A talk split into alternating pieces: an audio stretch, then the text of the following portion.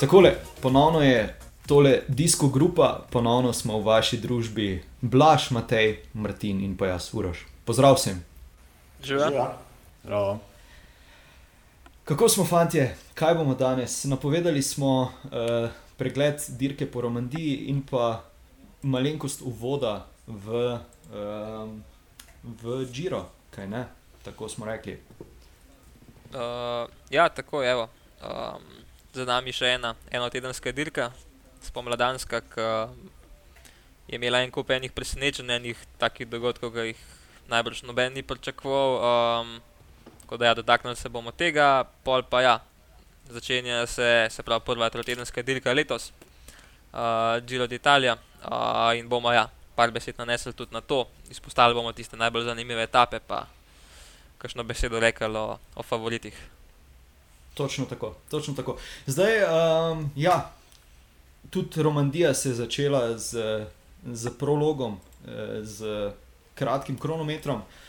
Zmagal je Rojan Denis, eh, verjamem, Blaž, da si ti bil tega še dodatno bolj, bolj vesel. Eh, ampak ja, eh, predvsem zanimivo je bilo, da je Gana zaostal 14 sekund. Eh, pa tudi naš Jan Tratnik je, je super odvozil ta kron, kronometer. Um, ja, v bistvu zelo sem zelo vesel, ja, uh, da po nekakšni tisti lanski malo slabši sezoni, če lahko tako rečemo, čeprav je bil vseeno, sploh na Džiru, zlata vreden pomočnik, uh, da je letos pa nazaj na ta zmagovalna pota, se pravi, zmago je že uh, prej eno, en kronometer, tokrat zdaj prolog. Um, In ja, v bistvu je dokazal, da ni še, ni še za upenzijo, za kakšen Izrael uh, ali kakšno tako ekipo. Uh, potem pa ja, uh, v bistvu nekako ja, presenečen je, da je Gana um, ostal tako zadnji. Pred njim je tudi recimo, bil Mark Hirši, ki ni načeloma kronometrist. Um, tudi Sepkus je za njim zaostal par sekund, v bistvu ni ne vem, a, zakaj je do tega prišlo, a Gana trenutno ni v formi, tudi recimo na današnjem kilometru se ni jih najbolj izkazal, um, potem ko je recimo na zadnjih parih kilometrih uh, praktično ni poznal poraza, zdaj pa nekako um, malo slabši rezultati, sicer še zmer. Normalno je, da ne more vsak kolesar vseh takih dirk zmagati, ampak ja, um, prihaja Giro uh, in bomo videli, kako se bo tam odrezano. Definitivno, definitivno. Zdaj, um, samo trenutek, da najdem tole. Uh, ja, Stefan Bisiger uh, na petem mestu. Uh, mogoče, ko je prišel v cilj, sem, sem mislil, da, da, bo, uh, da bo na više mesto, ampak ja, Matej, povej, uh, kaj si še ti mislil. Na splošno, v prvi peterici, mislim, da ni bilo večjih presenečenj, razen mogoče um, Richie Port, ki je odpeljal še nekaj boljš, kot sem pričakoval, in pač zaokrožil to prvo trojko in Elsa. Prav kljub temu, da je Gana odpeljal relativno slabo, smo imeli na prvih treh mestih tri fante iz Elsa in se napovedovali nekaj podobnega, kot je napovedal Blaž v prejšnji epizodi, da se lahko zgodi, da se ponovi Katalonija in uh, da so prvi tri spet uh, vsi iz in ne vsa, tudi v, v končni razvrstitvi. Uh, presenečen, presenečen je mogoče poleg tega, da je bil uh, šele deveti Filipo Gana, tudi da je bil Štefan Kung šele deseti. Uh, bi ga mogoče tudi pričakoval malo višji. Uh, Jan Tratnik je pa odpeljal vrhunsko, ne? spet na Romandiji. Jaz sem se čisto na kratko z njim pisal, prav da um, še razume, tistih par sekund, ko so jih imeli pred njim ostali, razen Rohan Denis, da ne ve, skaj pa on to potegnil. Tako da to je mogoče z moje strani. Ok, Martin, kako si pa ti videl tole uh, prvo etapo oziroma ta prolog? Ja, v bistvu bi se kar navezal na, na Mateje besede, da dejansko, če pogledamo od drugega tam do do desetega mesta je bilo v bistvu nekih sedem sekund, eh, medtem ko je pa že samo Tomas za Denisom zaostal devet. Um, tako da je res dejansko Denis bil tu, lahko rečemo, za tisto klaso boljši od vseh ostalih. Uh, Jan, fenomenalno.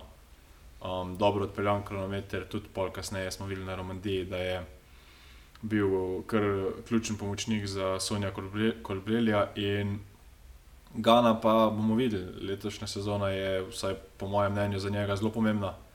Uh, ne vem sicer čisto točno, kakšni so njegovi plani glede svetovnega prvenstva in pa olimpijskih iger, ampak zagotovo v takem letu, kot je letoš, uh, letošnje, bi to mogla biti glavna njegova cilja. Uh, bomo pa videli, kje bo s formo. Okay, okay. Zdaj, um, ja, torej, tako kot smo rekli na tem prologu, nekaj malih presenečenj v osnovi pa je vse, vse potekalo tako, kot v narekovajih napovedano. Potem pa tista prva etapa, uh, kjer je eh, zmagal strani Blaža pred nekaj epizodami, že na pol upokojen Sagan. Uh, In pa zmagal je pred Kolbreljem, ne, ki sem ga pa jaz v, v tej etapi že na pol odpovedal, pa je potem kasneje uh, mi pokazal ali pa kakorkoli dokazal nasprotno. Blaž, izvoli. Uh, ja, uh, kar sem rekel, vesel bi bil, če bi mi Sagan dokazal nasprotno tiste besede, ki sem jih takrat rekel. Sem rekel, da bo še zmagoval. Uh, mogoče ne v taki količini, kot je par let nazaj, ampak da bo zmagoval. Ampak uh, zdaj, če se seveda prihajajo moji izgovori. Uh, poglejmo prvih deset iz te etape. Ne. Recimo na tretjem mestu je bil Patrick Bjorn, um, to je kronometrist, kronometrist, ne šprinter. Uh, tako da ne moremo reči, da, da je bila tukaj lih um, tista top klasa šprinterjev. Um, mogoče je med prvo deseterico ene štiri takih imen, kateri se niti ne. Ki se ne pojavljajo v prvi deseterici v takih etapah, um, Ampak ja, ko karkoli obrnemo, evo, Sagan ima še eno zmago na takem nivoju. Ja. Jaz, mu, jaz mu lahko čestitam, no. ni zdaj, da sem jaz Sagan, hater in podobno. Uh, vsekakor mu prvoščam vsako zmago. Um, tako da ja, bomo videli, kaj lahko pokaže še v naslednjih dirkah. Ok, zdaj, um, ja, tu je ravno Jan Tratnik se v bistvu izkazal s tistim super lead avtom za Kolbrelja. Matej, kaj pa ti? Kaj pa bi ti rekel? Eh, ko sem jaz to etapo gledal, se mi je zapisalo na Twitterju eh, v smislu tako dolgočasne etape, pa še ne, nekaj podobnega. Vse se je tako počasi odvijalo, sem imel občutek, ta zaključek. Šprinterjev ni bilo, ekipe, so, ekipe niso bile popolne. Um, ni bilo tega, da bi letelo zadnje kilometre 50-60 ur, vsaj ni izgledalo tako. Mi zdi, da mi je uh, Jan to kar malo zameril, tako občutek sem dolgo, ker je videl ta moj tweet, pa je odgovoril, a res ne. Um, ampak sem potem čestital za uh, v bistvu najdaljši lead-out po mojem zgodovini šprinterskih vlakov. Ne. ne vem, koliko časa je bil on spredaj, ampak celo večnost. Um, in zaradi tega ne vem, če sploh imel Sonic odbreli kakšne možnosti, bil je pač na drugi poziciji, ne vem kaj, kilometr pa pol, še več. Um, Sagane pa, ko res vse naredil prav, imam občutek, ko kar malo na meji regularnosti uh, se postavil za njim, um, ampak mislim, da vse, tako kot se spodob um, in pač več printov. No. Me pa moram reči, da malo dolgočasna ta etapa.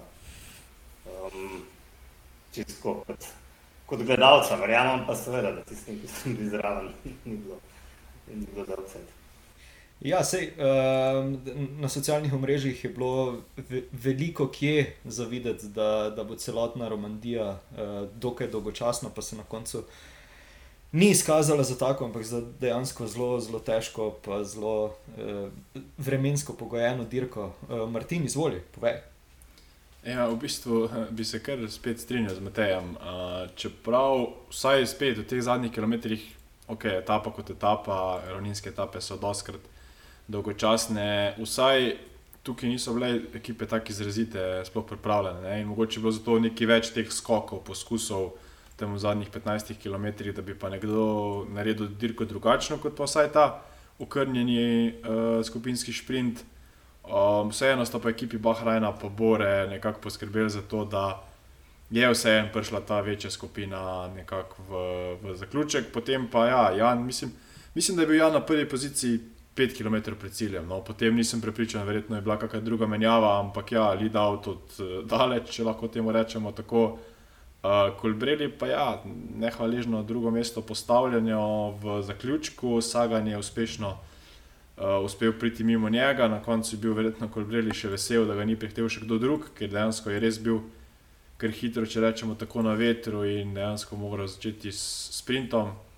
Uh, Sagan pa kot stari maček uh, iz, iz Aveterja, še ena od njegovih zmag, verjetno ne najbolj prestižna, ampak v, v njegovih letih je verjetno prav tako vesel, kot je bil včasih kakšne zmage na turu. Ja, definitivno. Um, ja, uh, smo še tukaj kaj pozabili, uh, ali gremo kar na tisto drugo etapo, uh, ki, se je, ki se je potem dogajala, kjer, je, kjer smo videli Rojana Denisa, da je sam pokrival napade, vleko, peloton, uh, vse to. Dokaj, dokaj v bistvu. Če bi na kateri koli drugi ali pa na, na kakšni tri tedenski dirki videli tak prizor, uh, Uh, nismo tega ravno navajeni. Ne? Nismo tega ravno navajeni.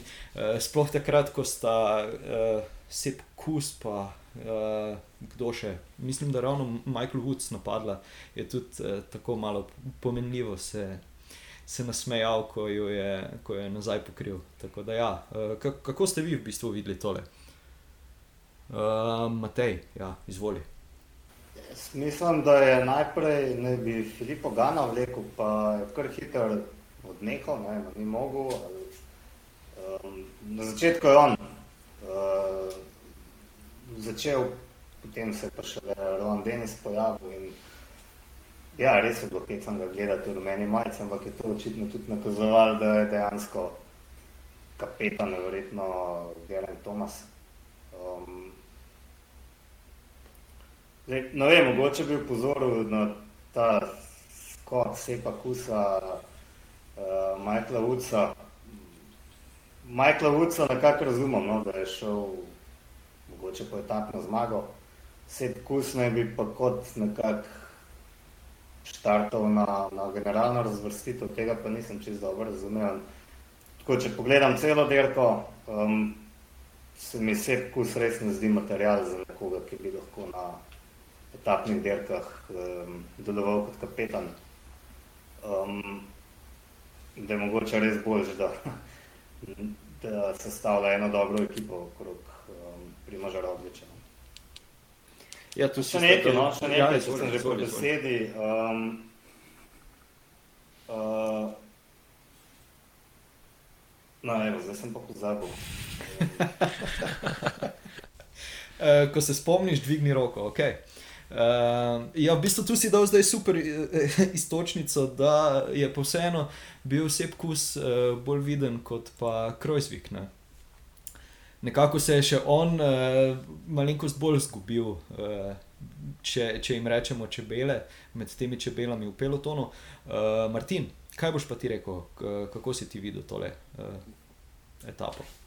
Ja, to je še ena taka, neka, ne, ne razgibana, ampak neka etapa na papirju za sprinterje. Uh, definitivno neobičajen prizor, jaz mislim, da ga na tri tedenskih dirkah skoraj da ne moremo videti.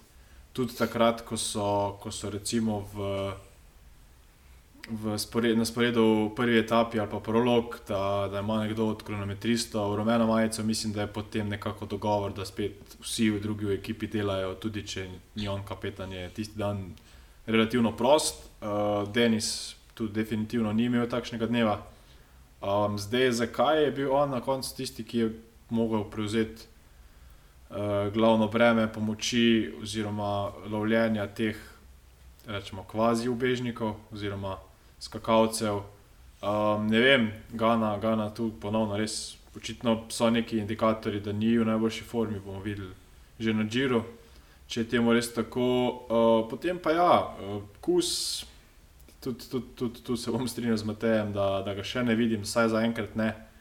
Uh, odpeljal je relativno dobro prolog, bil v generalnem blizu in ne vem, je pričakoval, da ga bodo na taki neki do, dost uh, lahki etapi pa spustili, ali je hotel samo preveriti, uh, kdo so favoriti, kdo bo šel za njim.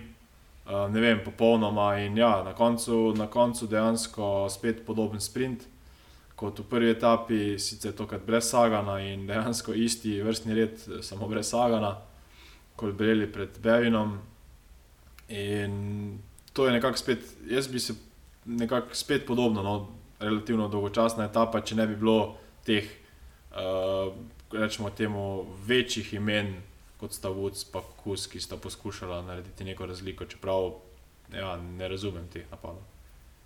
Ja, se tudi uh, napad sam po sebi, mislim, ne vem. Ni izgledal kot tisti all-in napad, uh, ne, malo, sta si, malo sta si samo, ne vem, kot da želela pretegniti noge. Ok, Blaž, izvoli. Um, ja, jaz bi se pa sam še malo vrnil nazaj do Rona Denisa. Um, v bistvu meni je zelo zanimivo, koliko se je on v bistvu že na začetku, mislim, na začetku svoje kariere, v glavnem tistih. On je nosil rumeno majico tudi na dirki po Franciji, ne? takrat, ko je zmagal prolog. Uh, in pol nekako tistega leta se je on odločil, da bo po bistvu zdaj, se pravi, iz uh, kolesarja za kronometre, se bo nekako skušal preleviti v kolesarja za Grand Tour. Ne? Nekako je to uspel tudi kasneje Rogličo. Pa njemu pa to ni bilo tako uspešno. Ne? Imel je tudi naslednje leto pol že roza majico na Džiru, um, ki je potem, mislim, da na, et, na etapi na etno jo je konkretno zgubil. Uh, in takrat naprej imel pol kar precej težav, um, kar se tiče prehrane in vsega. Um, zdaj pa nekako. Um, poleg tega, da je odličen kronometrist, uh, se je v bistvu v zadnjih dveh letih izkazal tudi kot uh, zlata vreden pomočnik. Mislim, da ta zgolj kolesar, kot je on, um, ma, bi, bi imela kar vsaka ekipa, no. um, razen Bahrein, očitno. Um, tako da nekako v Ineosu se je pa očitno dobro ujel. Um, in uh, ja, mislim, da mu ni težko se prediti za ostale in nekako tudi uh, tole zmago Gerlanda Tomasa je nekako se veselil, kot da, da bi sam zmagal. Ja, absolutno. Mislim, dobro, da si, da si izpostavil to, da eh, razen Bahrajna. Zaradi tega, ker takrat je bilo pač ogromno polemik okrog tega, ker so ga vsi v bistvu imeli za, za eh, zdaj slaba primerjava, ampak za Boanja, ne, ki is, išče samo probleme, pa dela z Gago v ekipi. Eh, Uh, ampak ja, tu v, tu v Neju so se pa res očitno odlično počuti, ker je. Kaj pa vem, eh, z, z mo, z, če gledam z mojimi očmi, je vseeno malenkost, uh, oziroma ne malenkost, ker ogromno spremenil svojo, uh, svojo kako bi temu rekel, mimiko ali pa nastop ali pa kakorkoli. No. Uh, ja, Matej, izvoli. Jaz ne vem, tudi koliko se je mogoče osebnostno spremenil po teh težavah, ki jih je imel v hrani. Um, pustimo to, jaz imam skozi občutek, da um, prav uživa v tem, kako pomaga svojim tekmovalcem, da mu je to večji užitek kot vem, biti drugi ali pa tretji v etapi, da se zaveda, da ne more zmagovati in da raj naredi orang delo in še pokaže, ne, mogoče bivšim delodajalcem. Evo bom zdaj, ja? A? A? Evo me. Koga imaš pa ti landa, ne? Um, da ve, treba je bilo tudi noro, uh, ko se je uh, Beno Konor, že dosti blizu cilja, um, odpeljal, v bistvu je skočil, pa je Rowan Dennis pač zraven priključil, ne vem, če sploh uspel sedeža. In to tako silovito, da ga je držal, v bistvu samo Geren Tomas, zadaj se pa kar pretrgali. In jaz sem že mislil, da bodo ti trije sami šli v cilj. Uh, kar spet pove, koliko je močen. Um, bi pomenil, no, to sem hotel prej omeniti, da je Sagan odpadel na tem klancu, če se sploh ne bi pričakoval, glede na to, da je pač zraven recimo ostal Sonic odbredi. Sagan ponavadi na takih spolnih ostal zraven in potem zmagal v taki skupini. Na take načine je uh, točka nabiral za zeleno majco, tokrat ne vem, zakaj ni šel zraven, ker je tudi zgledal, kot da se je odločil, ok, ne grem, hvala, veseljenje, da ni niti poskusil. Uh, pa vmečkam se celo smajal v kamero, se mi zdi, ker se je pogovarjal s kolegi. Tako, šel je v disko grupo, no, smo tako. Odločno. ja, preselil. Ne vem, ali imaš kaj zaključko povedati? Uh, ja, Mart Martin, uh, Martin, še tebi uh, dajem besedo, še, še, še si, kako si ti videl tole. Ja. Ja, ta Denisova zgodba je zanimiva. Ne? Leta 2019, ko je bila ta drama ali pa rečemo temu ta incident v Bahrajnu, uh, ko je pravzaprav iz etape, vse te etape, uh, se usedel v, v avto in se odločil, da ne bo več dirko za njih, oziroma tako je bilo na koncu, um, se je zgodba odvijala. Uh, je bil takrat on dejansko ja, ta grešni kozel, češ kdo bo zdaj dal njemu pogodbo, aktualni takratni svetovni prvak. Po eni strani vse, vse ekipe imajo rade takšnega kolesarja, po drugi strani pa to, kar se je zgodilo z Bahrajnom, ni bila glih neka um, usluga za, za njegov uh, status. In osebno, ko sem zvedel, da se je za njim začel zanimati uh, Ineos, uh, mi je bilo zelo zanimivo. Um, nisem ga videl tam, um, tudi potem, kasneje, ko, ko je z usponom Gane dejansko izgubil celo primat prvega kronometrista na svetu, še znotraj ekipe. Um, In os je vseeno ekipa, ki gre na tri tedenske dirke, jim niso tako pomembni, ne vem, posamični kronometri, se je mogel bolj podrediti vlogi pomočnika, seveda je imel eh, večinoma proste roke na večjih kronometrih in pa teh stvarih. Ampak kar, kar pa gledamo zdaj, sploh kar smo gledali lanski Giro, to, pa, to so pa neke res uh, vrhunske predstave, super domestik z, z veliko začetnico in mislim, da da bi tudi uh, na, na Turu lahko recimo, uh, zelo veliko pomagal Sky in kapet, oziroma Ineosu in kapetanjem. Um, tako da samo, samo uh, vsa čast uh, pri teh letih uh, dirkati tako, se v bistvu preleviti no, iz tistega klasičnega kronometrista, ne v GC kontenderja, ampak v super domestika, to je nekaj fantastičnega.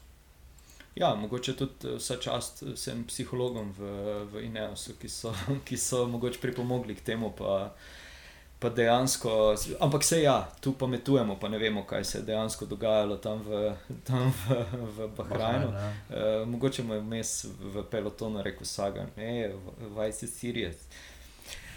Matej, ti si nekaj želel še o zaključku etape povedati, če sem pravilno razumel? Ne, sam zaključek je bil mogoče spet manj tak impotenten. Polovico dela je pravil Ineos, ne, oziroma Ron Dennis, um, drugo polovico uh, Bahrajn Viktorius, ki je tokrat bil zmagovit. Ampak spet sem imel občutek, da so oni kolbreli, dobro, jaz zmagam, ampak kot da komaj. No. In v taki grupi vsem pričakoval, da jih bo Vorank našprintal, pa je na koncu spet Patrick Bevin bil za njim. Tretji pa Mark Hiršek. Tukaj me je pa presenetilo, da eh, so bili kolesari UAE Emirates razvrščeni v tem vrstnem redu. Tretji Mark Hiršek, peti Diego Ulisi, deveti Rui Košta. Mislim, super, tri je v deset, ampak ne vem, se niso mogli zmeniti pa vsi delati za enega. Ne vem, mogoče se je težko dogovoriti v takem zaključku, ali niso mogli. Ne vem, to me zanima, kaj vi mislite. No? Jaz sem občutek, da bi lahko več potegnili ven, če bi večkrat skupaj stopili. Ja, uh, jaz moram priznati, da se tam v tistem sprintu nisem fokusiral sploh na UAE. Uh, eh, je pa bilo nekaj polemik ravno o tem rečenih, ja, da, da bi mogoče, če bi se skupaj sestavili, malenkost, uh, malenkost drugače lahko se skupaj speljali. Ja, to, to se povsem strinjam. Martin, kaj pa ti? Ja, 3, 5, 9 so odlična mesta, če gre to za neko gorsko etapo. Da imaš znotraj deseterice tri svoje kolesarje na, na takšni etapi, ki jo pa dobi sodni kolbreli, pa to ni ravno um, nek dokaz dobre taktike. Uh, zdaj, koga, koga poslati od teh kot kapetana v takšni etapi, to so vsi tri kolesari, ki so recimo. Uh, se znajo znajti, mogoče dejansko uh, košta v teh razmerah celo najmanj, ampak Ulisi in Hirši sta pa oba dva znata biti precej močna v takšnih zaključkih. In ja, uh, nekako bili so do, dosti neorganizirani. Um, spet ta tretje mesto Hirša, mislim, da je bil bolj plot spet pomankanje resne konkurence, kot pa dobre taktike ekipe UAE. Um, me, pa, me pa dejansko Hirši nekako se, se dviguje. Um, bomo videli, kaj bo, kaj bo v nadaljevanju sezone, ampak eh, v primerjavi s tem, kar smo videli na začetku sezone, ko, ko se mi zdi, da res še ni bil na nekem nivoju, nekako očitno prihaja v, v tisto pravo tekmovalno formo. Kulsko, kulsko. Blaž, kako si ti uh, tole videl, oziroma kaj bi povedal? Mm, ja, jaz bi sam na hitro še. V bistvu, um, ja, meni je zanimivo. Um, UAE v bistvu na to dirko ni prišel um, z nekim hudim željem po, po generalnem seštevku, niso bili prav, prav visoko. Um, tako da sem nekako pričakoval, da se bodo prvi skoncentrirali mogoče na neke posamezne etape, mogoče ne lih na tisto kraljevsko, ampak na take, recimo, kot je bila ta dan, da, da se bodo pač zmenili, pa mogoče iztržili kaj več, da ne vem, kakšna situacija je bila tukaj. Ja, je, kako da so bili na koncu 3 od 10, pa se niso nekako zmenili, pa potegnili za enega.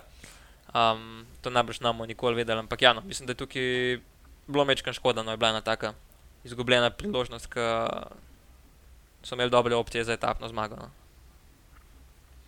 Ok, ok. Nič, se predstavimo na tole tretjo etapo, eh, kjer se je pa ravno, eh, če, če lahko temu tako rečemo, dirka prelevila v tisto bolj eh, zanimivo, bolj eh, dramatično. Eh, bolj uh, skregano z logiko, uh, z vsemi varnostnimi ukrepi eh, UCI-ja. Uh, ja, predvsem jo je zaznamoval tisti padec uh, Stefana Kunga uh, na, na spustu. Um, ja, nismo pa videli paca Roana Denisa. Ki pa je potem uh, kasneje tudi uh, zaradi tega kar nekaj časa zaostal. Um, Martin, povej, izvoli. Ja, v bistvu King je bil moj tihi favorit pred začetkom dirke uh, na domačih tleh. Sem nekako upal, da bo glede na to, da so bila tu dva km, oziroma prolog in kilometr, pa potem ne tako zelo težke etape. Uh, in tu je bil bego, ne? zdaj prednost je bila 25 sekund, najverjetneje, oziroma skoraj zagotovo ta beg ne bi uspel. Uh, vprašanje je, če bi potem King držal z tistimi najboljšimi, ampak ja, uh, celotna etapa um, zelo slabo vreme. Um, videli smo tudi neutralizacijo dirke na spustu, 40 km do cilja. To, to, je bilo na, to je bilo na naslednjem mestu. Ja, ja, ja. ja. Ne, uh, v bistvu, kar se tiče obeh pacov, mislim, da so se zgodila na istem spustu.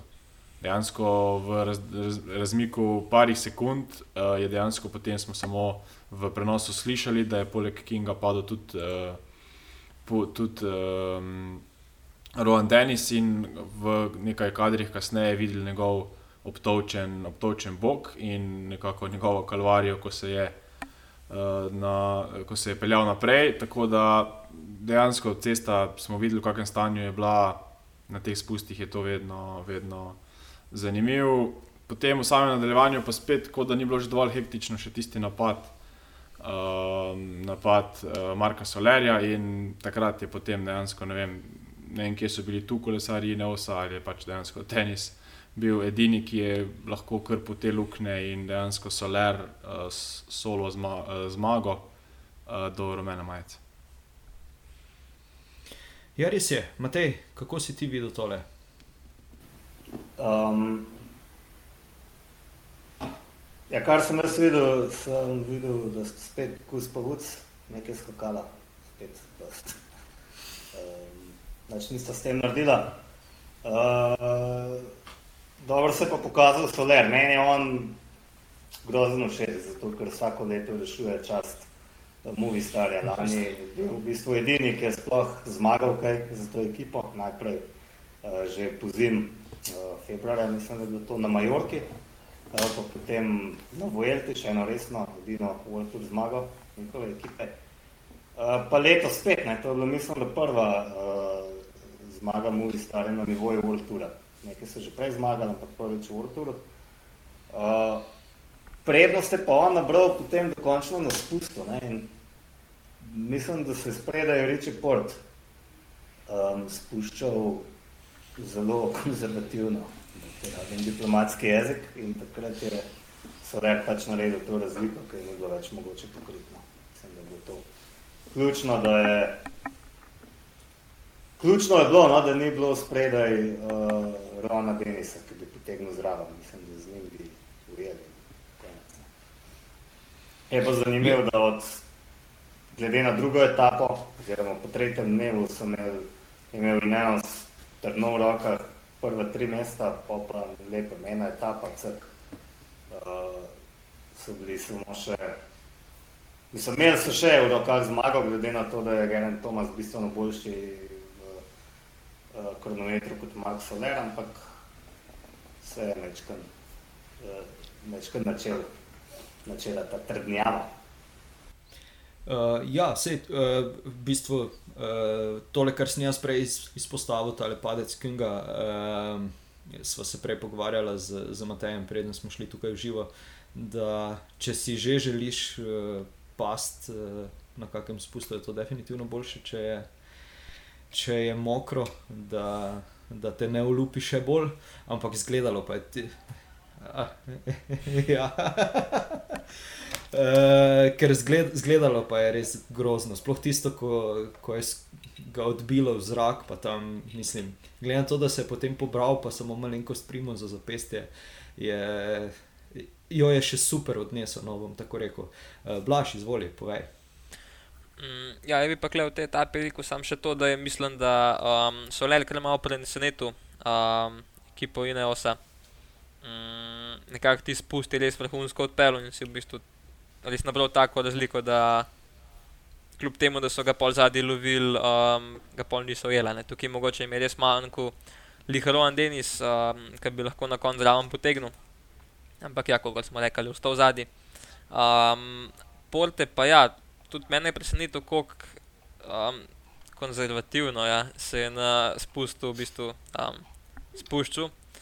Um, tukaj bi jaz nekako rekel, da je po vseh teh pacih, ki jih je pa on imel, ki jih je bilo pa res v zadnjih parih letih čist preveč, um, da ima nekako eno psihološko zavoro v glavi. Um, tudi že letos je, je smo ga videli na tleh, um, v prejšnjih letih še toliko večkrat in uh, ja, nekako. Kljub temu, ja, da si veš, da si kolesar, pa je to tvoj poklic, ampak nekako mislim, da ti to ostane v glavi, no, kljub vsemu. Ja, definitivno. Um, letos je na resnici, na tisti prvi, prvi etapi, se mi zdi, celo Tako, ja. odstopil zaradi svojega paca. Ja, najbrž, ko je slišal, da je, da je Denis padel, pač, ja, seveda pride psiha za tabo. Uh, ja, Joni Zagire je takrat je tudi poskušal iti za Mark Solerjem, pa nekako mislim, se, se je videla ta občutna premoč pri pospeševanju, pa potem držanju tega ritma uh, Marka Solerja. Kaj pa tisti, uh, tista gesta na, na cilju? Uh, kaj, kaj bi rekli, komu je bilo to namenjeno? Jaz osebno pojma nimam. Uh, Imamo mogoče kdo kaj več uh, informacij ali pa, ali pa lahko kaj več uh, uh, kaučarsko pove. Um, Blaž, izvoli. ja, ne vem, lih ekipi, mislim, da ne, ker taka stvar bi pol že prej vam prišla. Mogoče je bilo tukaj namenjen kritikom, um, ker so tudi, vsaj tako so komentatorji na Eurošportu izpostavili, um, da nekako veliki obet v mladih letih, pa pol mogoče nekako izvenejo, kljub temu, da zdaj zadnje čase zmaguje uh, na vsake tok časa. Ne, um, tako da, ja, no, jaz od njega v prihodnosti kar veliko še pričakujem. Um, sem pa ja, takoj, ko sem to gesto videl, sem pa um, nekako v glavo dubil tist, um, tisto sliko na Vuelti leta 2019, ja, ko se. Ko se krega na športnega direktorja, ker je mogel, mogel čakati Quintano, tisto etapo pa na koncu pogačal zmago. Um, tako da, ja, to je bila tista prva stvar, ki je meni v glavi ostala, ampak mislim, da, da ni bilo to njim namenjeno. Um, vsaj v njegovo dobro, upam, da ne. No. Ja, za tisto etapo, tudi ko smo s Tadejem govorili, je rekel, da je šele kasneje videl, da je v bistvu mu Movi Star eh, na pol podaril etapo, skoraj dan. Ker takrat je vprašanje, če bi, če bi se Tadej pripeljal do prvega mesta, če bi pustili Marko, uh, da ustraja. Matej, izvoli. Ja, na to etapo sem hotel upozoriti. Um, mogoče takrat dobo kakšne nasprotnike v javnosti, um, ki, ne vem, to, da se tam razburjaš, mogoče kakšne španski navijači ne spremajo najboljš. Ne? Um, mislim pa, da letos, glede na to, da ne bi bil na Džiru kapetan, pa ni še ničesar pokazal, da je mogoče tudi javnost zakrenila po španskih medijih ali kakšnih forumih ali pa španskih združenih uh, kolesarjev na Facebooku um, in jim je pač povedal s tem, kaj si misli ne, proti, proti včeraj. Mo mogoče, mogoče tudi to, ja, Martin, izvoli.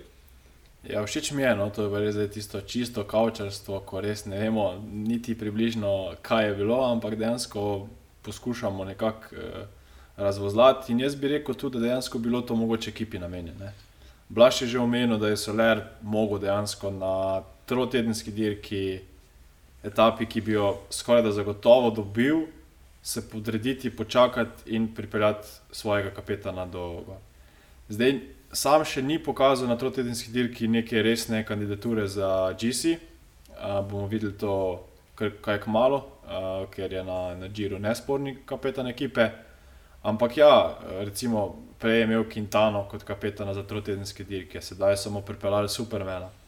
Um, nekako, mogoče je pa bilo to namenjeno uh, njihovim uh, vodjem ekipe, češ da tudi jaz znam dirkati, tudi jaz znam dobiti kako uh, etapno dirko. Čeprav, če je v tistem trenutku mislil, da je nevaren za GC, mislim, da smo vsi, ki smo od doma gledali, bili zgolj. zgolj, zgolj prepričani, da bo pač Tomas, če ne prej na, na zadnjem dnevu, vsaj teh pol minute dobil nazaj. In tudi to se je na koncu zgodilo, in Soler je ostal spet samo z eno etapno zmago. In ja, mogoče se pa zdaj v prihodnosti nekako razve na družbenih omrežjih, čemu, čemu ta gesta.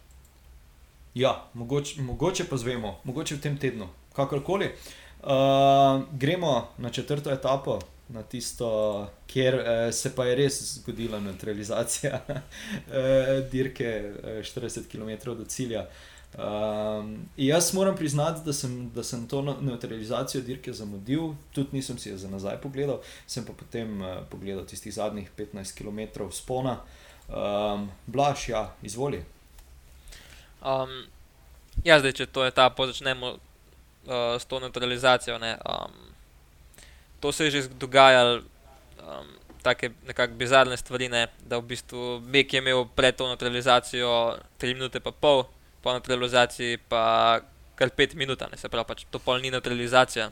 Če tako gledamo, take stvari recimo, so se zgodile že na Džilu uh, leta 2014, na tisti etapi čez Telvijo, ko je Quintana uh, bil v pobegu um, in so potem zaradi uh, snežne nevihte v bistvu uh, neutralizirali etapo, oziroma neutralizirali so glup, grupo.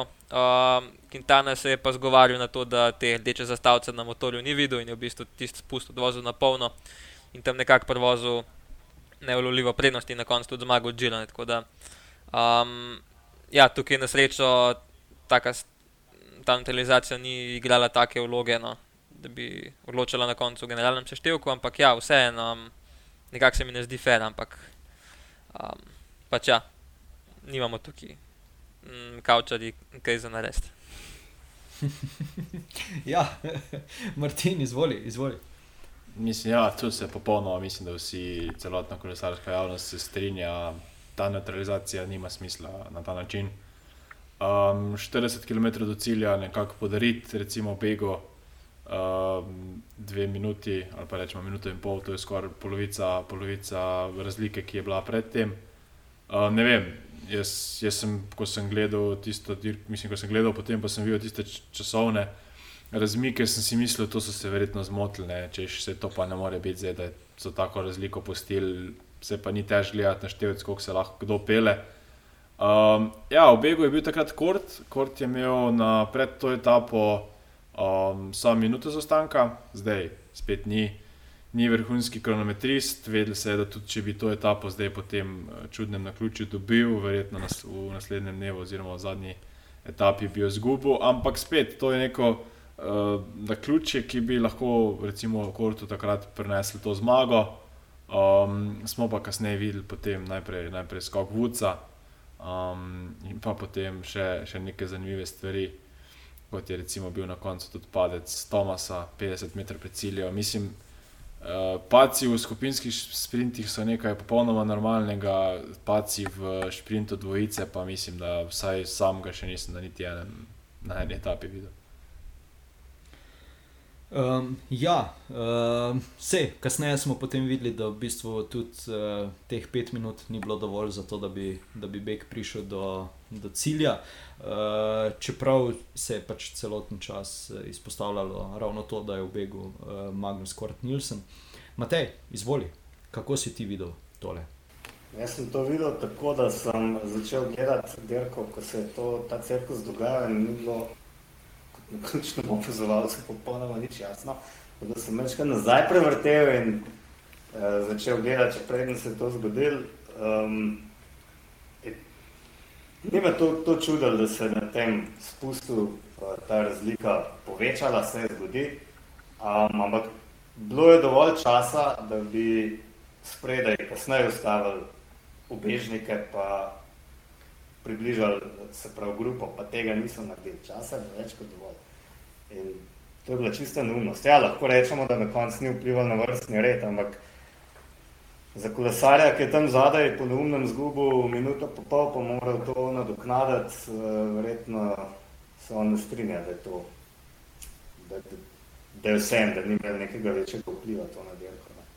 Če bi Magnus Kort to zmagal, bi bilo to nekaj podobnega, z vsem spoštovanjem do obeh, kot da bi zmagal uh, Luka Mezgac, kar je bil tudi skr veliko presenečen, ona da sta zelo podoben tip kolesarjev. Um, ja, nač, potem pa je bil v bistvu samo še ta pošasno dolg uh, zaključen spon, to se je pa vlekal um, za znoret in evo, spet je Michael Woods razgibal dirko in um, mu je končno, končno uspelo. Ne? Um, Presenetil me je Ben O'Connor, mogoče, čeprav nas počasno ne bi smel več presenečati. Nim grede, to je kolesar, ki ga je lani uh, na Džiru v tistem pobegu na koncu premagal Jan Tratnik za etapno zmago. Um, ja, potem pa se mogoče dotaknemo še tega zadnjih 50 metrov. Um, ko se mogoče to, kar je naredil Geran Thomas, ko je med predstavljanjem spustil krmilo res zdi kot ena grozna amaterska napaka, ampak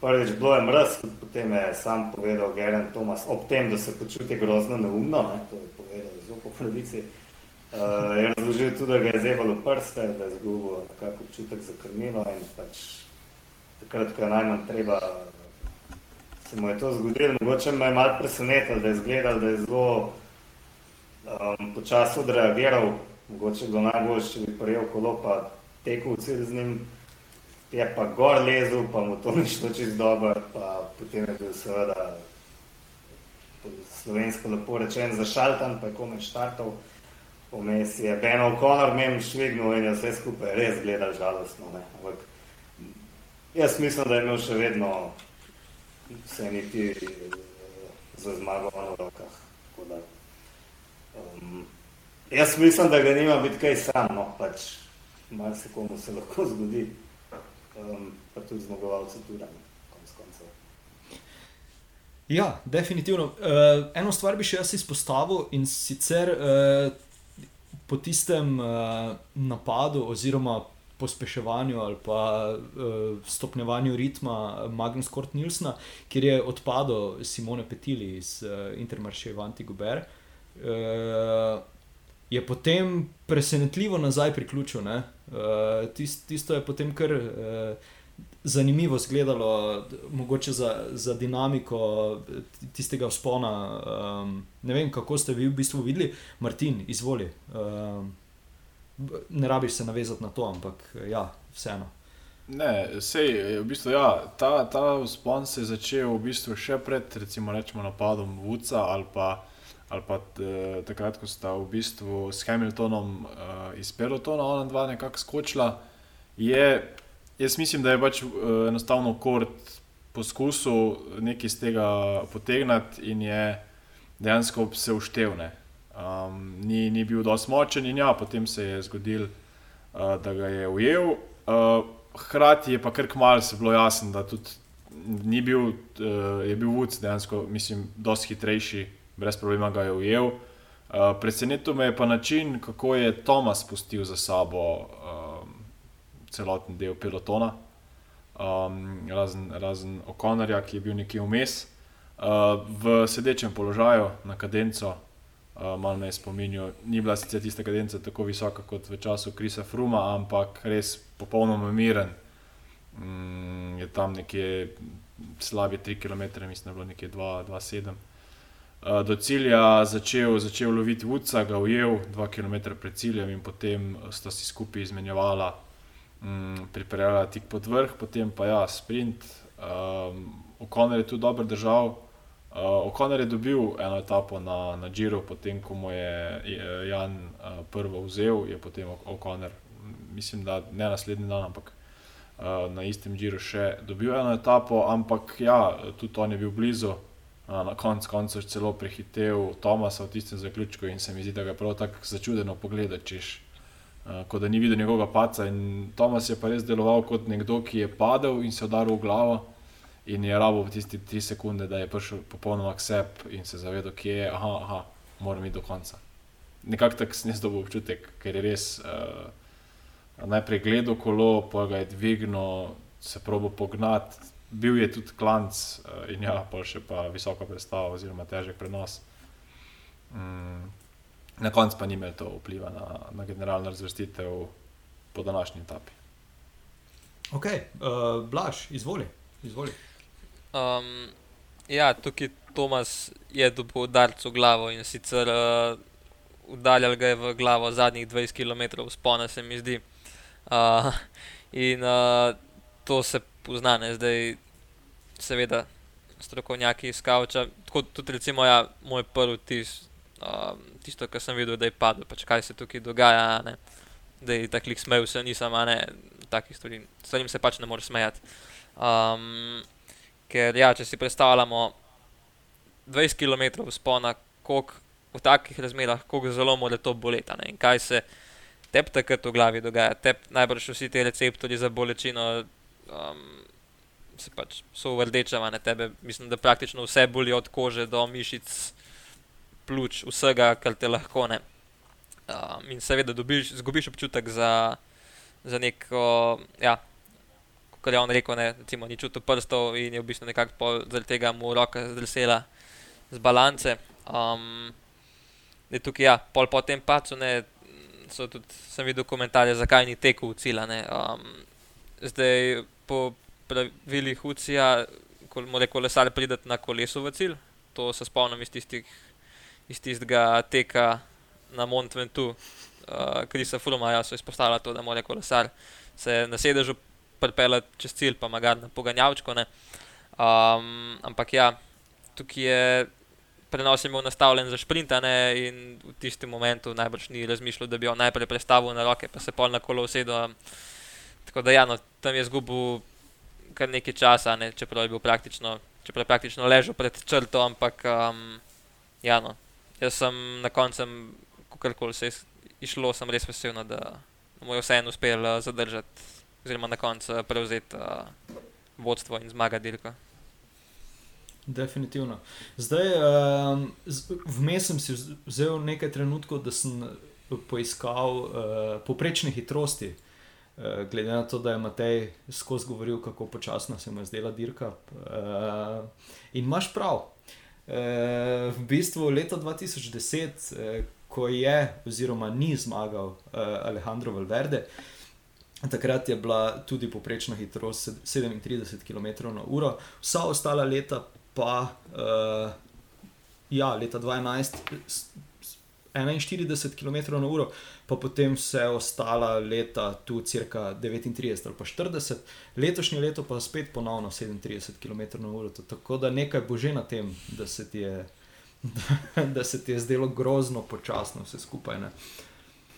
Pa dobro, to bo bolj zaradi neke dinamike, ki je ni bilo. Ne? mislim, da na to poprečno hitrost na koncu najbolj vpliva vreme. Ne? Če je slabo vreme, se ogromno časa zgubi na spustu in temu primerno pač poprečna hitrost pade. Mislim, da je lahko zelo počasna dirka, vseeno zelo zanimiva in zgleda hitra. Ne? Definitivno. Okay, uh, gremo, na, gremo na današnjo etapo. Torej, uh, zmagal je Remi Kavanja uh, etapo, skupno pa je Gerantu Tomasu uspelo, uh, da zmaga prvič uh, dirko po Romandiji. Kaj bomo rekli? Uh, kako ste, je koga kaj posebej presenetilo? Uh, nekako Gane, uh, jaz nisem tukaj. Uh, vključeval v, kakšna, v kakšno prvo deseterico, sploh glede na tisti prvi kronometer. Um, ja, Blaž, izvoli. Um, ja, poleg zmagovalca, seveda, ne, Remija Kavanje, um, pa se mi je meni zdelo še večje presenečenje četrto mesto in sicer Ilan Van Wilder. Um, zdaj, mnogi ga ne poznate, ampak on je recimo v tistih mladinskih letih. Um, Remka Evenpola bil njegov tisti glavni pomočnik. Um, in tudi sam je, poleg tega, da je še Remko to pomagal, dosegel res zelo dobre rezultate, ne? tako na Evropskem in na svetovnem prvenstvu, um, takrat v Innsbrucku. Um, in ja, jaz tudi od njega zelo veliko pričakujem, mogoče tudi v prihodnih letih. Vozil se tudi na Lavenirju, uh, zelo dober, um, kot tudi na enih od ravninskih etapah, mislim, da je bil deset. Um, in na 16. mestu, mestu je končal v generalnem seštevku. No, tako da, uh, ja, no, jaz imam, kar se njega tiče, kar velika pričakovanja. Nekako pa potem Filipo Gana zgleda res, um, lih tik pred žilom, ni v neki vrhunski formi. Um, Mansnada je tudi nekako potem po tej etapi prilezel na tretje mesto, ne tri mesta je pa dobil na tem kronometru, medtem ko je Woods uh, kar štiri mesta zgubil. Um, in na koncu je ja, končal na podiju, tako da ja, tudi um, jaz za njega to štejem kot, uh, kot kar velik uspeh. Ker na, general, na teh um, etapnih dirkah ga tako visoko, generalno, mislim, da še nismo videli do zdaj. Ja, Masnada je vsaj glede na uh, obrazno mimiko in grimase res dal vse od sebe uh, na tem kronometru danes. Mogoče pa uh, Gana uh, nekako uh, tempira svojo formo. Eh, ravno za Džiro, pa, pa bo mogoče takrat pokazal, da, da je pripravljen v nulo. Martin, izvoli. Ja, kar se ga ne tiče, še vseeno upam, da bolj tempira za, za olimpijske oziroma za svetovno prvenstvo, ker če tempira na Džiro, ki vsi vemo, da je kar kmalo, uh, začne se takoj s kronometrom, mislim, da ni v najboljšem položaju. Uh, ampak ja, dejstvo je, da sta bila Denis in Gana 9 in 10. Uh, pa če pogledamo više po lestvici so bili pred njima, recimo na prvih treh mestih, tisti izraziti kronometristi. Zmagovalec je bil Kavanja, drugi Pisiger in pa tudi tretji Tomas. Um, sem osebno se gotovo pričakoval spet po tistem prvem kronometru in zadnjih formah Roana Denisa, ali je bil ključen padec ali ne, ne bomo nikoli vedeli. Um, pa spet, Matej je že prej omenil Kinga, tu je bil 15 uh, spet vprašanje, ali je tudi na njega vplival, kaj padec. Uh, treba je pohvaliti pa tudi Jana Tratnika, minuto zaostal za uh, zmagovalcem na, devet, na 19. mestu in uh, je lepo zaključeno uh, dirko po Romandiji. Uh, mislim, da je čist suvereno odpeljal, dobro je pripravljen za Giro in um, se lahko veselimo no, tudi kakega, njegov, kakega njegovega podviga. Definitivno. Matej, uh, izvoli. Kako si ti uh, tole videl? Vse ste že povedali pred menoj. Uh, mogoče bi samo upozoril, da Filipa Gana nekako izhaja iz piste, oziroma zelo veliko pisti dirka. In za te fante so olimpijske igre mnogo bolj pomembne kot za um, pristne cestne kolesarje. Veliko več da na to in po mojem, da so on predvsem na olimpijske igre pripravljali mogoče tudi kaj drugače trenira zaradi tega, ne vemo, tega ne vemo. Um, mogoče bi pa za konec še omenil še nekoga, od katerega bi lahko morda kdo pričakoval kaj več, in to je Vilko Kelderman, um, ki se ga je po lanskem uh, džiru, na kateri so ga uvrščali više, kot je zdaj prelezel, bil je pa deseti. No. Tako da, um, po mojem bilanski džiru kar maksimum, kar je dal, da je od sebe. No takih dirkah. Um, ja, ok. okay. Uh, tukaj zdaj kakšnega kontrakomentarja dejansko uh, ne morem dati. Uh, ampak mogoče, mogoče samo to, uh, da je Bisiger dejansko tudi danes uh, zelo, zelo dobro odvozil tole, vedno mu malenkost, uh, oziroma proti sicer ne proti kavanju, ampak vedno mu malenkost zmanjka do tistega, do tistega, da bi pa zmagal kronometer. Uh, ja, Martin, izvoli. Ja, če se navežem na te besede, mislim, da je bil lanski Giro maksimalni skupiček za, za vse iz prve trojice ali pa iz vrha, uh, ker tudi letos vidimo, da, da Jay Hindley ni, ni na tem nivoju, da bi pa rekli, vsaj zaenkrat, če ne. Uh, da bi pa rekli, da je bil pa, da je bil pa to nekako njegov preskok. Um, Gegenhardt bo še vedno pomočnik, nekako tista, tisto eno Giro mu vseeno ni prineslo statusa mega zvezde, kot jih imajo v ekipi Neosa uh, na pretek. Um, tako da ja, lansko Giro bomo, mislim, da kmalo označili za neko izjemno um, ne nepričakovan razplet. Vemo, da so tam favoriti odpadali en za drugim, um, najprej od korone do pacov. V glavnem, lansko Džiro je res bilo komplet vsega.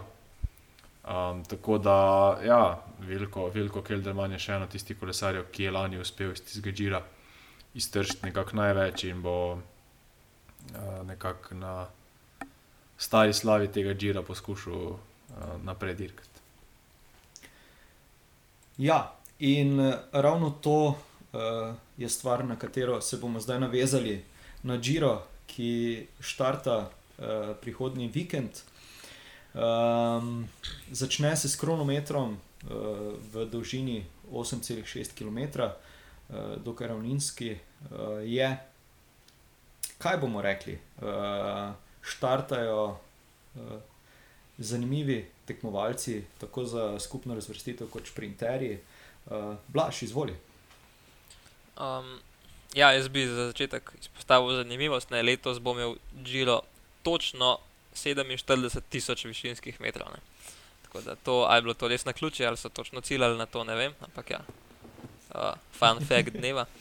Uh, uh, ja, jaz bi, kar se etap tiče, bi, bi kar že zdaj napovedal, da bo etapa na Zonkolan tista najbolj strupena. Ne? Tam vsakič, ko se kolesari zapeljejo na ta vzpon, um, vidimo spredi tako majhne zobnike, ki jih ne vidimo na ostalih dirkah. Um, sploh, recimo, spomnim se takrat Fruma, um, ki je vozil z nekimi res ekstra majhnimi zobniki spredi. Um, pol pa v bistvu, ja, to se bo vse skupaj odvijalo 22. maja, potem pa takoj naslednji dan v nedelo, pa mogoče za slovence najbolj zanimiva etapa s štartom v Gradežu. Uh, in pa potem uh, preko spona San Michele, da je ta vzpon mogoče uh, mladinci uh, velik, poznajo malo bliže. Tam je prejšnji teden potekala dirka Copa Montes. Um, tako da ja, vsi mladinski kolesari, mislim, da ta vzpon um, zelo dobro poznajo. Uh, potem pa se v bistvu dirka nadaljuje uh, preko Slovenije kar štirikrat v bistvu gre ta etapa skozi Slovenijo, sko, uh, preko spona Gorenje Celovo, Celovo, to nisem zihar, imel bi kakšen primorc v komentarjih popravil, kako se tole naglasi. Um, kar trikrat bo šli čez ta vzpon, ja, četrte kategorije, potem pa še leteči cilj v Novi Gorici in na koncu uh, cilj v Italijanski Gorici. Um, pa ja, tudi tukaj že kar napovedujem, da um, bosta najbrž um, Mohorič in pa Tratnik. Uh, bosta res dala vse od sebe, kar, kar se da, da se tukaj znajdete v tem pobegu dneva in na koncu uh, poskušate zmagati etapo. Ker, um, mislim, da bo ta, tukaj motivacija zelo dobra, ne, ker um, se ja vem, ko lesari rečejo, um, ja, navijači so me spodbojali ob cesti, bilo je res fajn, ampak dejansko, koliko je v bistvu tukaj ta psihološka barijera, ko bi temu rekel. No, um, Neke zasta te zastave ob cesti, pa da se ljudje ob cesti delajo tvoj ime, to ti res da neko dodatno energijo, ki je nekako brez tega ne moreš. Ne? Uh, tako da, ja.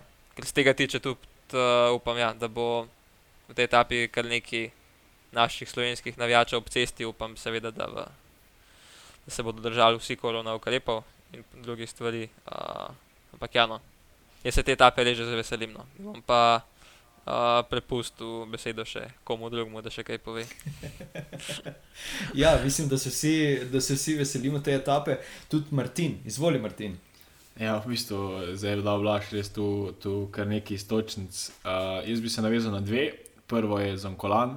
Uh, jaz sem bil leta 2018 na, na Usponu, 5 km pred ciljem. Uh, sem stal ob cesti, malo pred napadom Krisa Fruma. Uh, takrat je še bil Vod Pels pred njim, uh, v zelo mali skupini favoritov. Fabio Aro je že na tistem odseku vozil cik-cak.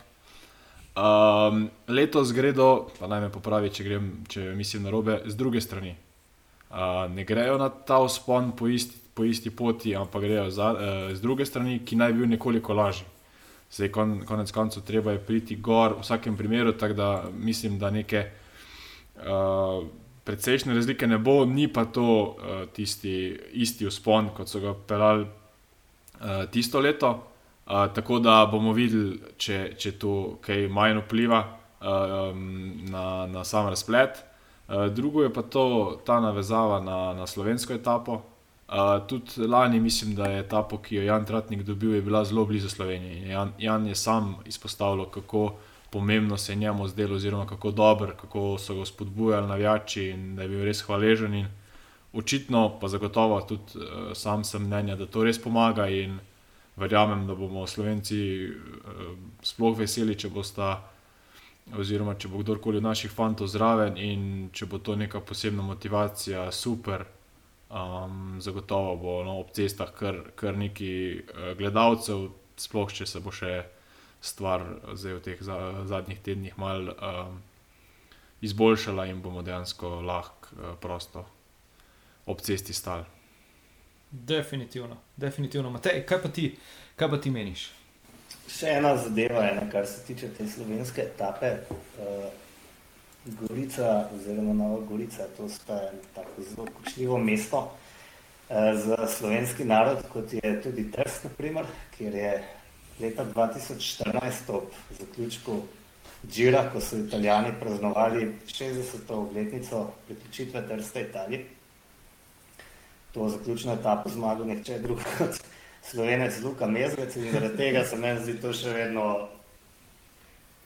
ne glede na vse, kar so potem kolesari dosegali, ena najbolj simpatičnih slovenskih zmag v zgodovini kolesarstva. Italijanom v 60. obletnici nekega njihovega nacionalnega praznika veselja pokvarti. To je kar noro, ne. Um, no, zdaj je ta nova priložnost, da se to zgodi še v Gorici in bom res držal pesti za enega od naših dveh. A, a, a si zamisliš, da bi imel uh, takrat uh, Luka, veš, tako tak, kot imajo uh, nogometaši spodaj majice, pa bi imel napisano, da je to res naš. Ja, to bi bila pa že. Um, Huda provokacija. Ja, če, kdo naših, če kdo od naših posluša, naj to naredi letos, gorice.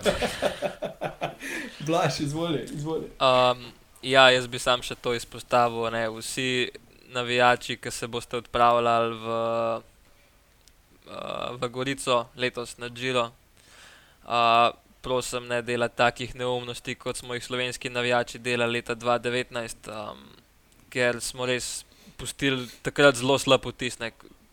Že takrat, ko je Roglič dobil tisti pribitek, ker je eno navijačev porino, plus uh, tisti slovenski. Uh, novijač, ki je Lopeza podaril. Upam, upam, da se take stvari bodo ponavljale. No. Sej itak verjamem, da je euforija, ne sploh, če bo kakšen od naših kolesarjev spredi sam. Um, ja, upam, da smo take neumnosti videli prvič, zadnjič, pa nikoli več. No. Uh, ja, tukaj je nekaj trenutkov tišine, pa vsi rečemo, da, ja, da upamo, da res. Uh, vrača, se, vrača se Remko, uh, Evenepol, brez uh, kakršne koli pripravljalne uh, dirke, kakršnega koli tekmovalnega dne. Uh, kaj menimo, nas bo presenetilo ali nas ne bo presenetilo? Zdaj, uh, glede na to, kako Kris uh, Frum še vedno verjame v svojo vrnitev, verjamem tudi, da je pri Remku tu eh, situacija zelo, zelo drugačna, eh, ampak vseeno, ja, blaš izvoli. Um, ja, jaz mislim, da Remko je ambiciozen, vsekakor, ampak eh, hkrati je pa veliko bolj previden s temi napovedi, kot kar Furumane. Da je izpostavili so, da je cilj njegov že sam delko dokončati, čeprav je nekako prijavljen pod številko ena. Uh, v ekipi jaz vseeno nekako mislim, da uh, bo to breme kapetana prevzel kar Joao Almeida, um, ki je tudi eden mojih um, favoritov. Sicer ne pričakujem, da bo zmagal, um, ampak ja, nekako mi je všeč njegov stil vožnje, um, to kako se pele, res agresivno. Um, tako da jaz mislim, da če res pokaže neko dobro predstavo, je lahko na podiju. No, dvomim, da bo lahko zmagal, ampak um, bom pa navil za njega. No. Ok, ok. Uh, Martin, kaj pa ti misliš? Ja, v bistvu od teh lanskih udeležencev um, Džira, ki so bili med prvimi 500, v bistvu dejansko Almeida in Bilbao edina, ki bo to dirkala, zato bo zagotovo kot uh, rečemo, temu prvi nosilec uh, od lanskega Džira, Žao Almeida, um, mogel upravičiti tudi to pričakovanje. Kar se pa samega Remkota tiče, je pa res trenutno tudi medijski hype je mogoče malo potihnil, uh, nekako uh, tudi Remko sam se je mogoče stopil malo v zadje, ker um, lani po tistih njegovih uspehih je bilo to samo vprašanje časa, kdaj bo dobil vsaj kakšno trotedensko dirko in mislim, da so zdaj vseeno malo bolj previdni po tem pacu. Uh, zanimiva taktika, direktna na Giro d'Italia. Um, to bomo videli, uh, ni pa on edini, ki se v bistvu vrača uh, vrača se tudi uh, Dilan Gronevegen, uh, po malo drugačnih uh, okoliščinah kot Remko. Uh, in jaz moram reči, da sem za njega res vesel. Upam, da, da še ni pozabil, uh, da bo v tistih uh, zaključkih dirke uh, lahko zbran, da ne bo imel v preveč črnih misli, podobno kot smo že omenili za Jakobsena. Uh, Jakobsen je imel še to dodatno težjo okoliščino, da je pač se mogel ukvarjati s poškodbami.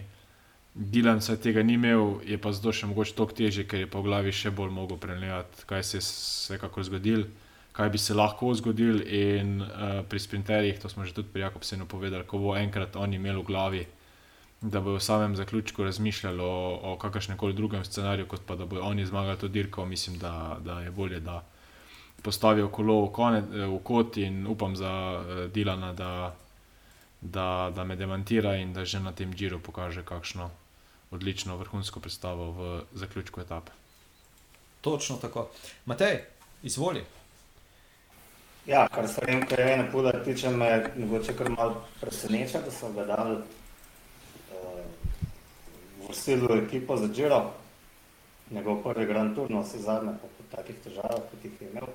Ampak ne, glede na to, uh, bi upozoril, da ima tudi The Conan Quick Step res uh, izjemno močno ekipo. Uh, mislim, da tako močne, že dolgo nisem imel na Grand Tourih, če sploh kdaj. Uh, se pravi, poleg Almeide, ki bo verjetno res kapetan in ne vem, puda, so tukaj še Remi Kovanja, uh, Mikel Honore, uh, James Knox, Fausto Masnada, to je skoraj slanska ekipa, z njim je primerljiv samo še Ineos, ne, ki imajo za kapetana Bernala ob njem pa so še Jonathan Kastrovjeho, Filipo Gano, Daniel Filipe Martinez, um, Sivakov, uh, Sosa. Um, tako da to bo res. Um, mislim, da bo Regan Bernal, no, ker glavni favorit glede na ekipo. Um, Se ne vem, že napovedujemo kaj. Uh, ja, za danes uh, sem si jaz, jaz osebno zamislil, da, da napovemo samo uh, tiste, ki bodo, ki, ki bodo krojili uh, kronometer, in pa mogoče potem tista druga etapa, ker v nedeljo se potem spet uh, vklopimo. Tako da, ja, ampak vseeno. Uh, la, lahko pa že mogoče kar napoveš, pa daš uh, karte na mizo ali pa, ali pa denar na mizo, pa rečeš, to je to. Če bi moral dati denar na mizo, ne bi, bi vse rekel, Egan Bernal, ne glede na vse.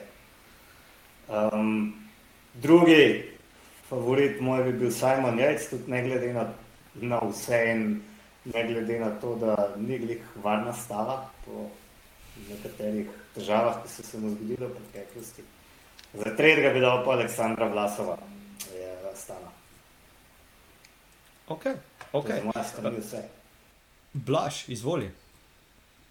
Um, ja, evo, jaz sem pa, da če se malo na drugo temo navežem, lih slučajno sem preletel štartno listo. Um, in um, ja, zanimivo, ekipa Dronijo Katoli, se pravi ekipa Žiga Jermena, ki ga sicer ni uvrstila na, uh, na Džilo, nažalost. Um, me je pa zelo presenetil izbor um, enega izmed njihovih kolesarjev in to je Andrej Ponomar. Um, zdaj, njega mislim, da ne poznate. To je fant, ki je bil sicer evropski prvak, par let nazaj, uh, star pa je 18 let, se pravi letnik 2002 in sem kar prepričan, da je to najmlajši kolesar letos na Džiru. Um, tako da ja, mene nekako preseneča, da sem res zaupal to mesto, um, da je letos je dirko tudi v Banja Luki, ker je usvojil belo majico. Um, tako da ja, mene zanima, kako ko se bo tole šlo, zdaj je lih dvom, da se bo ponovno pogačal, da bo na tem prvem Grand Touru zasijal, ampak uh, ja, no, zikar so ga vzeli z nekim razlogom in z nekimi preverjenimi uh, sredstvi, da je ta prav kolesar za to. Uh, pa ja, če se navežem ja, uh, tem, kar smo se pogovarjali. Um, ja, jaz bi pa vseen um, navil bom za Almeido, kot sem že prej rekel. Um, Me pa zanima, kam lahko George Bennett prileze na, na tem Giro. No. Ampak vseeno, moj prvi favorit je kar Almeida. Ok, Martin, izvoli. Ja, najprej sem na hitro v bistvu pogledal uh, Blažovo istočnico in ja, dejansko je samo en kolesar, star 18 let na letošnjem Giro in potem 20, 19 in 20 letnikov sploh ni. Tako da je krepko najmlajši uh, letos na Giro. Kar se tiče pa favoritov, um, dejansko denarja ne bom polagal, ker smo se v prejšnjih epizodah naučili, da mi denarja v stave ne bomo dajali. Uh, zanimivo je, da ne gre tako slabo, da zdaj že vsak po tri kolesarje predvidevamo, mogoče saj en zaključi uh, dirko. Tako da, ker je pač Matej že porabil vse tri glavne favorite, bomo pač očitno mogli to stali po neki drugi poti. Tako da bom jaz zavil nekam, kar nikoli ne bil, in bom rekel, da bo uh, med top 3, verjetno celo tretji, uh, Mikel Landa, uh, ker više zagotovo ne bo. Uh, bom, pa, uh, bom pa rekel, da zagotovo med 3 ne bo Hugh Cartier. Okay. Zdaj, zdaj, če bo više, kaj bo potem, potem nam rundo častiš? Lahko, dogovorjeno. um, Ja, uh, tudi jaz sem vmes uh, malenkost po štartni listi uh, uh, poskrolal. Uh, bom pa tako rekel, jaz bi rekel, da na kronometru uh, bo vseeno uh, Filip Gana uh, zmagal. Recimo. Uh, na drugi etapi, ne, ne vem zakaj, že, že cel teden tako razmišljam, se mi zdi, da bo, da bo Beg dobil etapo, zdaj kdo bo v Begu, pojma nimam. Uh, Ja, kdo pa bo generalno, to pa tako kot si rekel, zdaj dajati denar na, na generalno razvrstitev, je zadnje čase bila velika napaka. Uh, ampak vseeno moram reči, da, da, me je takrat, uh, da me je takrat blaž uh, navdušen nad Žuvom Almeido, pa bom tudi jaz uh, tako potihem. Uh, potihem upal, da, da bo mogoče on uh, nas presenetil, tako kot nas je že na vse zadnje lani presenetil. Uh, svojo vožnjo. Um, ok, še velja kaj omeniti, uh, ali raje prepustimo uh, še drugim stvarem čas, pa se naslednji teden uh, še bolj posvetimo uh, Giro in ostalim etapam, pa tekmovalcem, pa vsem tem. Mm, ja, jaz mislim, da Giro je še dolg in bomo lahko še veliko o tem govorili, gremo kar naprej. Ok, uh, jaz bi na tem mestu izpostavil današnje drugo mesto, uh, a ne Dopliharja, našega parakolesarja. Uh, zelo me je razveselilo, uh, da je bil na stopničkah. Na, zdaj pa ne vem, ali so to ronde de Vlanderen ali ronde van Vlanderen. Uh, nekako dru, malenkost drugače se mi zdi, da se, da se, da se imenuje dirka uh, za parakolesarja, ampak ja, v vsakem primeru pa uh, super uvrstitev. Tudi ko sva, ko sva govorila v epizodi Coffee Ride, ogromno trenira, super trenira in pa se mu je, se mu je vse skupaj poklopilo. Um, tudi v tem tednu nas uh, Nasr Buhani ni nič kaj. Uh, Presenetil, razveselil, razžalostil ali kaj drugega. E, tako da predlagam, da gremo na e, vprašanja, kdo, kdo si bo izboril tisto prvo mesto, e, da postavi vprašanje. Je, ne so vsi, ne so vsi naenkrat zagrebst. Matej, izvoli. uh, kdo, je, kdo je drugi uh, najbolj znani kolesar s primkom Gana in po čem slovi? Ja, uh, lepo, da si mi ukradel vprašanje, Matej. Uh, ne, se sem, sem imel še rezervan, ali iz tega razloga. Ja, uh, ja verjel ali ne, to je bil Luigi Gana, prvi zmagovalec uh, Džira v prvi izvedbi. Pravi imaš, Blaž, leta 1909. Ne samo, da je zmagal, dosegel je še tri etapne zmage, enkrat je bil drugi, dvakrat tretji in enkrat četrti. Se pravi, to so pa tudi vse etape bile. Se pravi, tri, štiri, šest, sedem etap, vedno je bil pri vrhu. Isto leto je zmagal že Milano San Remo. Um, Delko je pa tudi na Turu, že leto prej, ko je bil peti v generalnem in isto leto, bila tudi njegova edina udeležba na Paris Rode, ker je bil pa 14. Ok, kulsko, kulsko. Blaž, še mogoče ta zanimivost. Ja, bil, bil, bil, bil je zidar, preden je bil profesionalc, to je zanimivo, da lahko vsak predela na Wikipediji, inače, ker dosti nisem prskal. Je pa menda komjuto v službo 100 km daleč, zdaj ne vem, vsako smer ali obe, ampak to je glavno daleč, ne. Prav pekar. A, a, misli, a misliš, da so tudi o njem uh, pisali tako kot o Primožu? Prelevil se je iz zidarja v kolesarja, aha? Ne vem, vem pa, da so bili v tistih časih uh, medije še bolj osladni, kot so danes. To so bile res... Um, Pisarstvo se je pisalo osladno do maksimuma. Prav so bili dobri pisci, to je treba tudi priznati. Kulsko, okay. kulsko. Uh, Blaž, Martin, kdo od vaju? Bom, jaz, preden mi še kdo na vprašanje ukrade. Ja, zmenjeno, zmenjeno. uh, ja, evo, no. Um, mene pa zanima, če slučajno kdo ve, kakšna je bila najmanjša razlika na džiru uh, v generalnem seštevku na koncu.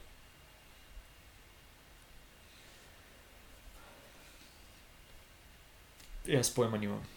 Ne približno najde, ne, ne vsak eno številko reče, pa bomo videli, kje smo. Jaz bom rekel 3 sekunde. Okay. Jaz bi rekel 10. Jaz bom pa rekel 2. Uh, ja, Maltin je bil najbolj blizu. Ja. Uh, 11 sekund je znašala najmanjša prednost, uh, od, oziroma najmanjša razlika od drugega do prvega mesta. To je bilo leta 1948, se pravi, po vojni, drugi svetovni, um, kjer je zmagal Fiorenco Magni na koncu. Uh, to je v bistvu kolesar, ki je zmagal Giro uh, trikrat, potem po, te, po, te, po tem letu še dvakrat, trikrat je zmagal tudi Flandrijo, sedem etap na Turu, tako da um, ja, gre za enega kar velikega uh, kolesarja italijanskega. Uh, je pa vozil kar tri leta v ekipi z imenom Gana. Evo. Najbrž poloviči organi, to pa nisem, nisem preverjen. Vrhunsko, vrhunsko. Martin, izvoli. Ja, jaz priznam, da nisem uh, tako zelo naštudiral tega vprašanja, zato bo precej lahko, ampak nekaj smo se že danes navezvali, pa povemo še enkrat, uh, koliko kolesarje, slovenskih kolesarjev bo letos na Džiru A, okay, trije. in kateri. Trije, Uh, Tratnik, Novak, uh, pa, pa moho. uh, pa Moho. Ja. Ja. Tako, tako. Lepo je, da spet ne pozabimo tudi na Domna Novaka, ki smo ga že enkrat v naši eh, ep- epizodi izpustili. Tako da ja, navič, navijali bomo za naše tri kolesarje eh, iz ekipe Bahrain Victorious, eh, Mateja Mohoriča, Domna Novaka in pa Jana Tratnika in jim želimo čim več. Definitivno. Stavljajo več kot tretjino ekipe, ne Slovenci. Ja, Ja. res je. Skoraj, skoraj polovica, ja, res. je. Škoda res, mogoče, da, da žiga ne, ne štarta. Ne. Uh, tudi njega smo. Uh, mi, Jerman, ne, ne v, Aha, ne ja, ja. v Bahrajnu. Ja, da, da ne bom bedri kosel. Ok. uh, dobro, tudi moje vprašanje se danes uh, navezuje na Giro.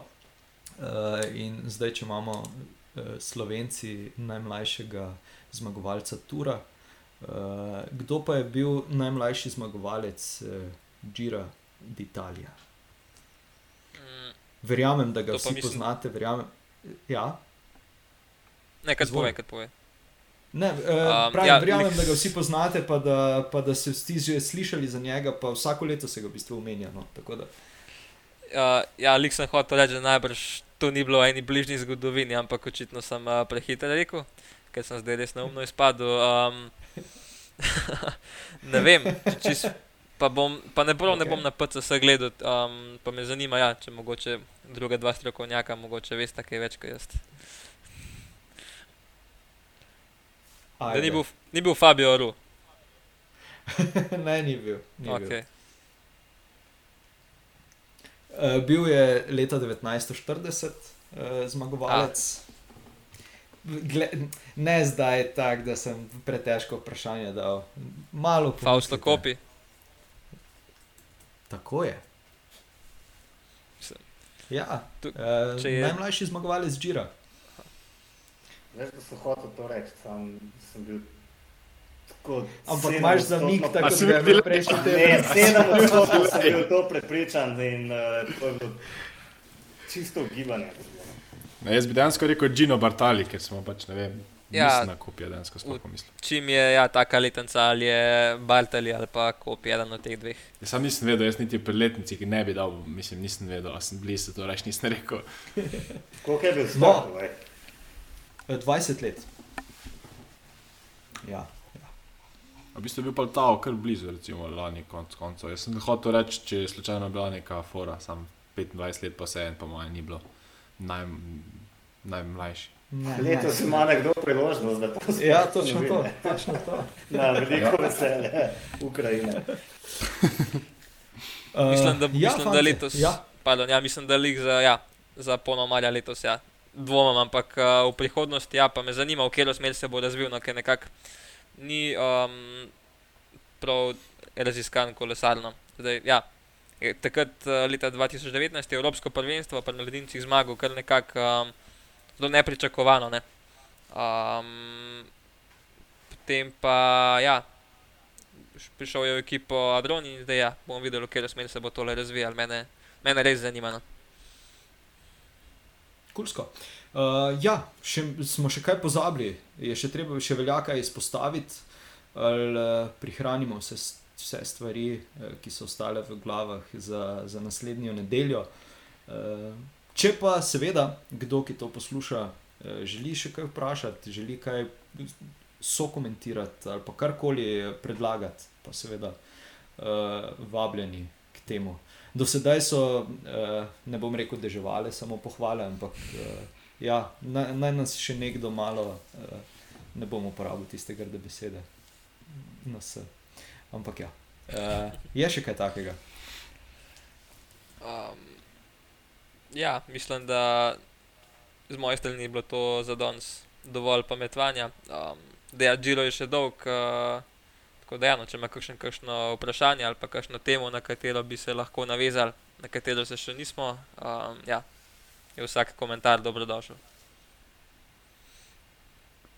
Jaz se v bistvu okay. veselim našega debija na trotedenskih dirkah. Uh, bomo videli, kako bomo prestali to um, prvo dirko. In ja, se veselim tudi letošnjega prvega uh, Grand Toura in uh, čim več zanimivih etap, čim manj dolgočasnih etap uh, in pa naj zmaga najboljši.